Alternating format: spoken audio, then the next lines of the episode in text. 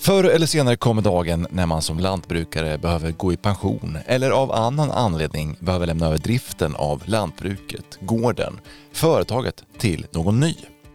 Men att genomföra ett lyckat ägarskifte kan ofta vara lättare sagt än gjort. Samtidigt så blir de svenska lantbrukarna allt äldre och det behövs yngre personer som kan ta över verksamheterna. Men är lantbruksnäringen tillräckligt attraktiv? Och hur skapar man tillräckligt bra förutsättningar för att någon ny ska vilja ta över och driva företaget vidare? Du lyssnar på podden Landet, en podd från Landsbygdsnätverket med mig Håkan Montelius där vi idag pratar ägarskiften.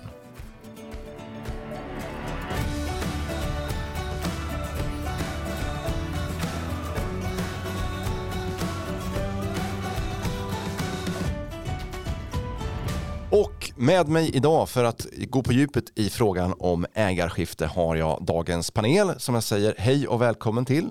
Först och främst Per Hansson, verksamhetsledare på Kompetenscentrum Företagsledning på SLU. Hej Per! Hejsan! Vi säger också välkommen till Gordana Manevska Tasevska som är docent vid Agrofood Economic Center också på SLU. Välkommen Gordana! Stort tack. Hej, hej från min sida. Hej. Lite lätt förkyld idag har vi förstått. Vi hoppas att det ska gå bra här och podda ändå. Ja, visst. Det hoppas jag med. Och sist men inte minst varmt välkommen Sissi Claesson, vd och ägare till Annelövsgrisen AB. Hej Sissi! Hej, tack så mycket. Annelöv, var ligger det någonstans för de som inte känner till er? Jag har verksamhet i nordvästra Skåne i eh, Helsingborgs kommun. Mm. Hörni, välkomna till dagens avsnitt av podden Landet. Och som sagt, vi ska diskutera det här med ägarskifte. Och jag tänkte att ska börja med dig Godana. Varför är det viktigt att vi ens diskuterar den här frågan om ägarskiften innan de gröna näringarna? Varför är det här en så stor fråga? Det är ett jättelång process. Det är väldigt många som ska trivas under den processen och det handlar från början med yngre generationen som finns på gården till den äldre som ska gå i pension. Mm. Så det är ett, ett jätteprocess. Det är livet på gården egentligen. Det handlar inte bara om tidpunkten och aktiviteter som behöver händas att, att uh, ta gården över. Per, är det här en fråga som berör alla som är verksamma inom de gröna näringarna? Eh, det tycker jag man kan säga och, och det, det har ju av tradition handlat väldigt mycket om att det ska gå från den ena generationen till den andra. Eh, tittar vi 25-30 år tillbaka så var det många företagares högsta målsättning det var att överlåta gården till, till nästa generation. Och, och, det har ju då utvecklingen visat att det är inte så det går, går till idag. Utan även om förhoppningarna kanske fortfarande finns kvar så, så är det ofta att eh, gården ska byta ägare. Alltså någon annan köper gården och, och, och, blir en större gård så att säga. Odlar mer, eh, har fler djur och så vidare. Eh, Och du säger att förhoppningarna är kanske så många gånger att den yngre generationen i familjen eller släkten ska ta över gården. Och bilden är kanske sån också bland många att det är så här det går till inom lantbruket eller inom de gröna näringarna. Men inte alltid som du säger. Och Sissi, du är väl ett exempel på hur ett ägarskifte, ja du är ju nytillträdd ägare, eller re relativt nytillträdd ägare av, av Annelövsgrisen. Eh, vill du berätta lite hur, det här, hur ditt ägarskifte gick till? Mm, det kan jag absolut göra. Jag eh, kom till, eh, inte in till grisnäringen kan man väl säga för, eh, ja det är väl lite drygt tio år sedan nu. Och sen så gick jag Alnarp och under tiden på Alnarp så var jag ganska klar med att jag ville driva en grisgård och jag ville äga en grisgård och jag ville bli grisföretagare. Så att efter Alnarp så dröjde det ett år och sen så hade jag lagt med hjälp av eh, finansiärer hade jag lagt handpenning på eh, Annelövsgrisen då. Men du hade egentligen ingen koppling alls till, eh, till företaget eh, tidigare innan du gick på Alnarp utan det här var ett företag som du fick upp ögonen för och tyckte att det var intressant och så gjorde ni en, en affär helt enkelt. Ja, det kan man säga. Eh, jag hade ingen koppling till dem innan. De ligger ju kvar i Skåne här. Så att eh, jag började jobba här som driftsledare Eh, precis eh, efter eh, min ekonomiska examen. Och sen så ett år senare då så hade jag hittat tillräckligt med pengar för att kunna köpa det då egentligen. Mm. Var det svårt att genomföra det här ägarskiftet? Alltså, nu är det tre år sedan och jag, jag är en extrem eh, optimistisk person, så jag tittar väldigt sällan bakåt. Men jag vet att jag där och då eh, tyckte att det var ganska svårt, eller svårt och svårt, det var intensivt. Eh, och det var mycket, man var tvungen att hitta rätt bank, eh, man var tvungen att hitta rätt samarbetspartner och så vidare. Och det, det, tar lång tid. Alltså, det är inte att jag bestämde mig på ett år att ah, nu ska jag göra det här, utan den här planen har ju liksom funnits hos mig länge. Och alla steg jag har tagit på vägen dit har ju liksom gynnat mig i möjligheten att kunna ta över det här företaget. Det handlar ju bara alltså mycket blod, svett och tårar. Jag har liksom jobbat mycket. Eh, jag har lärt mig mycket. Jag har varit vetgirig. Eh, så det är klart att det har varit, alltså allt är relativt. Det gick ganska snabbt när det väl lossade.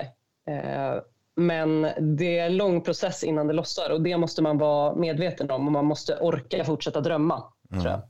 Alltså, det Cissi har gjort är ju, tycker jag är ett exempel på ett ganska modernt ägarskifte. Alltså det bygger på att man sätter sig in i, i ett företag, man eh, bygger eh, hela processen på sitt nätverk och sin, sin eh, kund, egna kompetenser som man har byggt upp och, och genomför det här det jag skulle vilja lägga till det, det är egentligen det Gordana har tittat på i den här agrifood-undersökningen. Om, att det här är ju det är ju en process i hela Europa, alltså, men eh, en åldrande eh, grupp av företagare och, och ett ganska stort behov av att hitta de här som, som eh, tar vid och utvecklar eh, verksamheter på, på landsbygden och tar vara på de resurserna.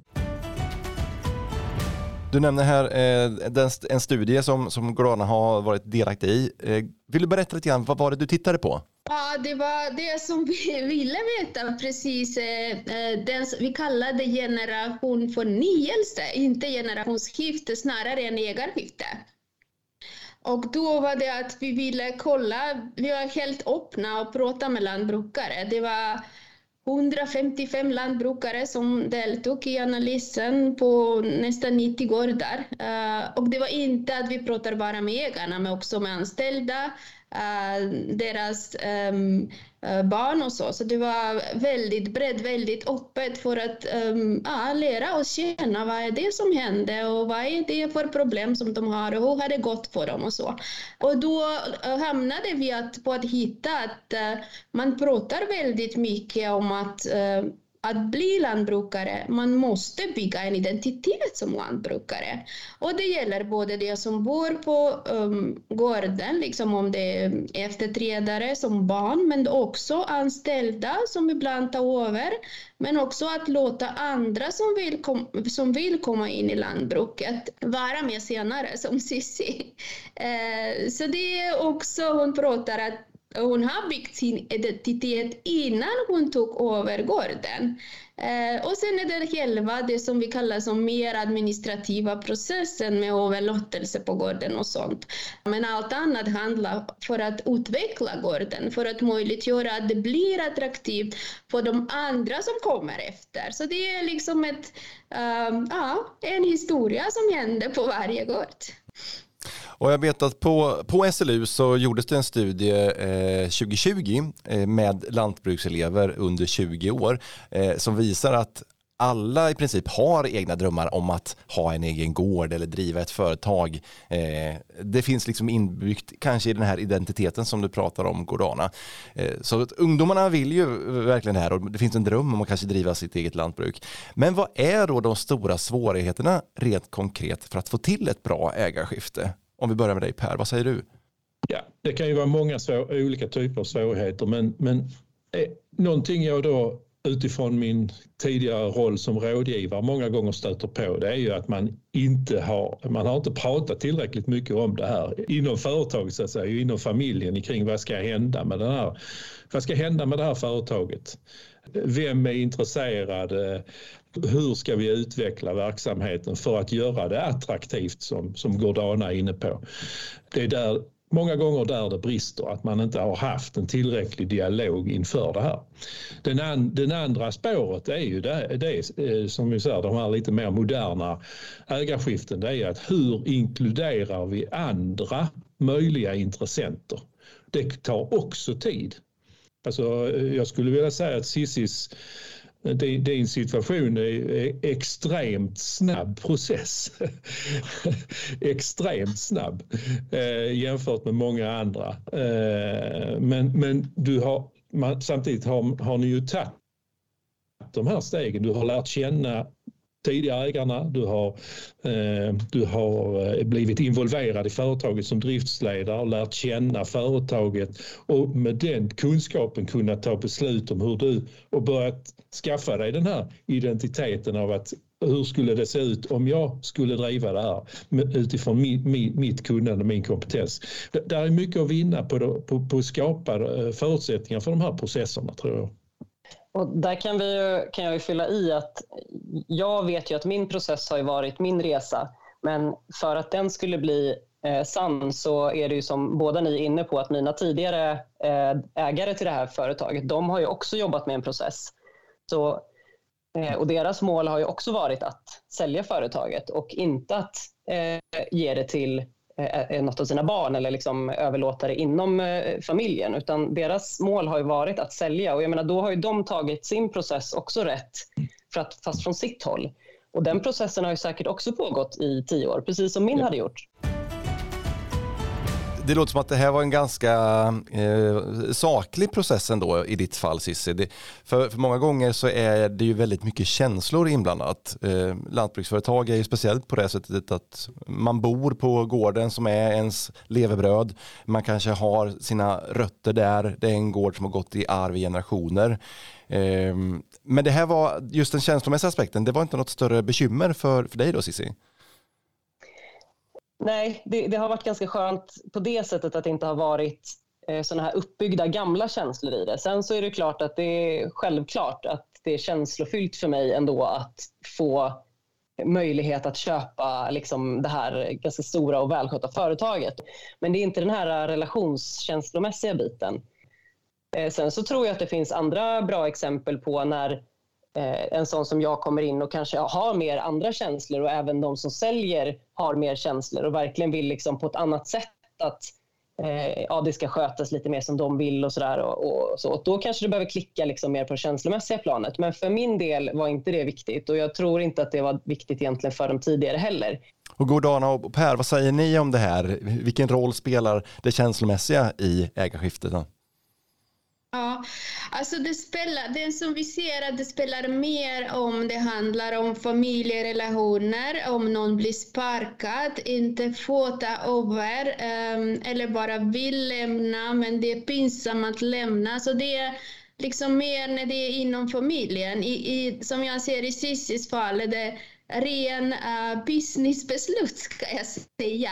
Det som vi inte ser i Europa. Det finns inte så ofta. Det finns affärsmodeller som den som Cissi precis beskriver. Så det är en, en uh, jag ska säga jättebra exempel, Cissi. Ja, men det kan jag hålla med om och det är som jag säger, det är ju deras eh, process tidigare att liksom, målet har varit att sälja det. Det innebär också att då behöver man ha ett företag som är säljbart.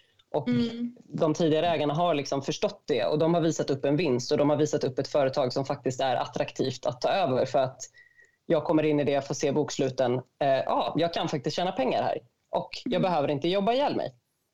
Jag, jag skulle komplettera den bilden när man, när man pratar om det här med attraktivitet. Alltså, eh, inte minst i svenskt jordbruk så har vi liksom en tradition att berätta hur dåligt allting går och yngre entreprenörerna och för fa familjer att vilja bo eh, och verka i den här typen av företag så, så måste vi jobba med att förbereda företagen inför en överlåtelse och då handlar det om att visa att det är lönsamt, det är, det är rimliga arbetsvillkor, det, det är, man, att man kan hantera det med en rimlig skuldsättning inte minst. Det har kommit upp nu när det börjar, räntorna börjar kosta.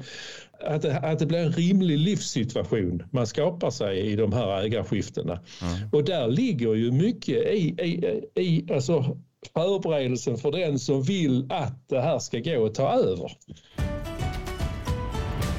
Hur skulle du säga då Per att, att förutsättningarna ser ut då? Om man tänker att man är en, en ung eh, lantbrukare, eh, kanske nyutexad, eh, man är sugen på att ta över ett, eh, ett lantbruksföretag. Hur ser förutsättningarna ut för det i Sverige då?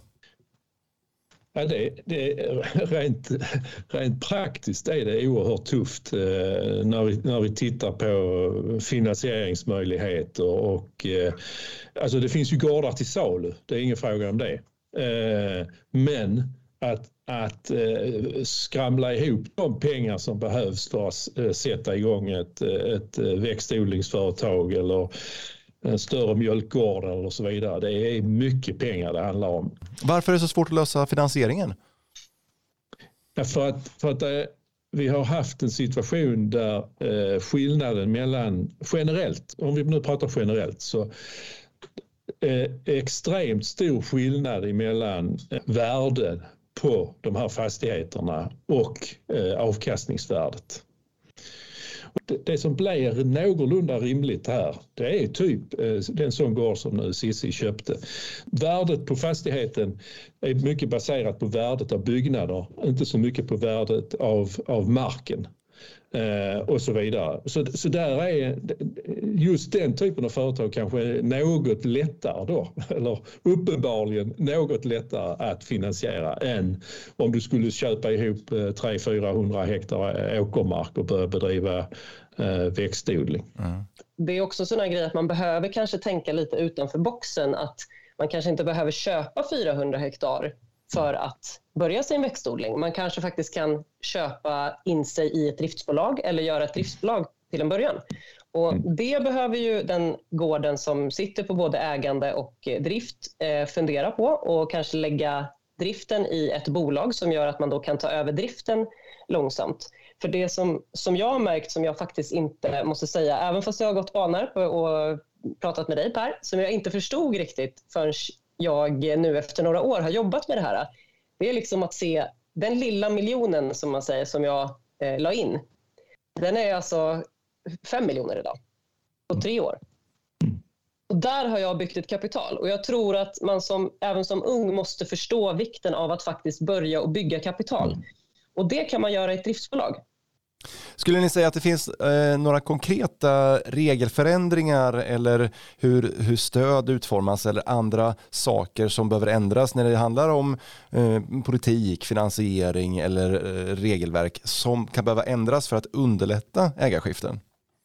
Tillskapandet av de, den här typen av lite friare eh, syn på finansiering som eh, tillväxtbolaget eh, eh, har kunnat bidra med Eh, har varit, eh, är, är betydelsefullt.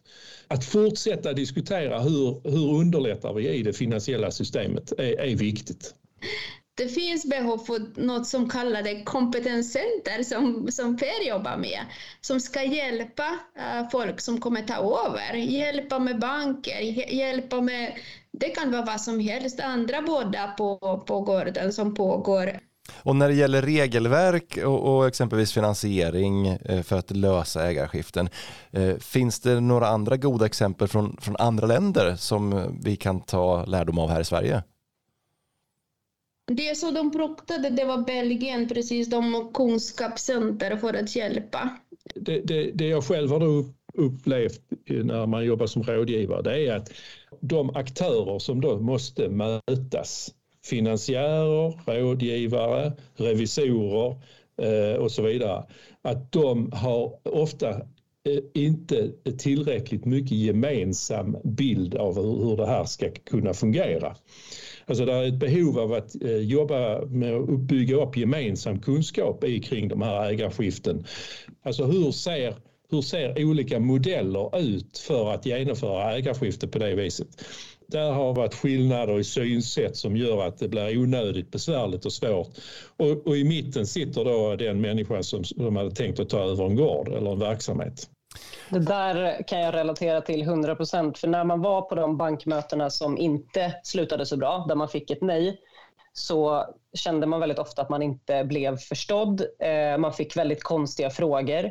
Eh, även till lite andra finansiärer som eh, som vi tittade på på toppen eh, kände vi att det var väldigt konstig förståelse för produktionen och då skulle det vara folk som var liksom specialiserade på produktionen. Mm. Men en av de bästa upplevelserna jag har i mitt liv fram till idag, det är den dagen som vi satt och skrev på papper och la handpenningen. För då hade vi alltså bankerna med oss, riskkapitalisterna då i form av tillväxtbolaget, de gamla delägarna, vi nya delägare eh, och, våra, och juristerna med och allting. Och alla pratade åt samma håll.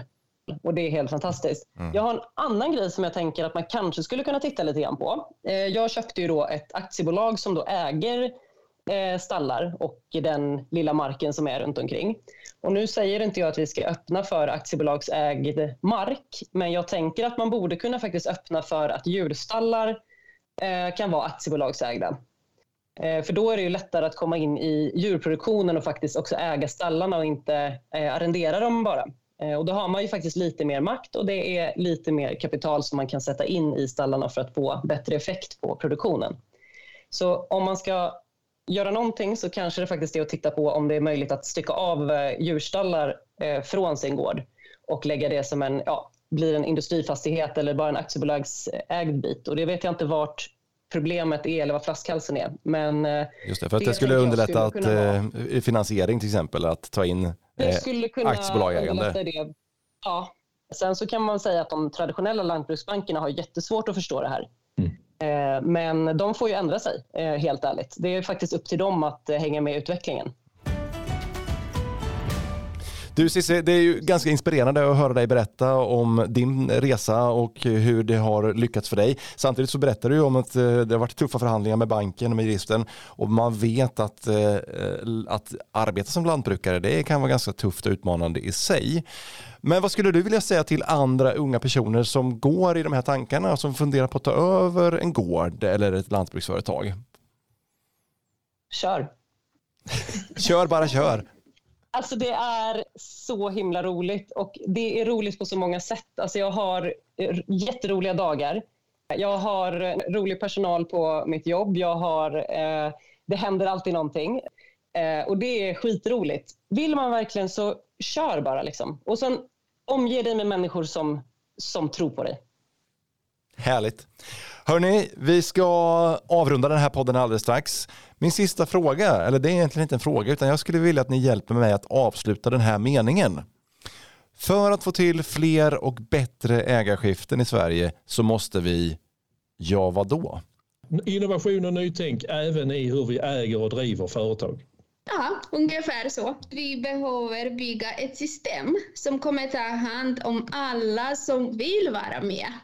Eh, och då drar jag väl eh, till att befintliga lantbrukare behöver visa upp sin lönsamhet, för den finns. Det är bara att man döljer den för att man är lite rädd för att betala skatt. Eh, och sen så vara en förebild eh, och vara stolt.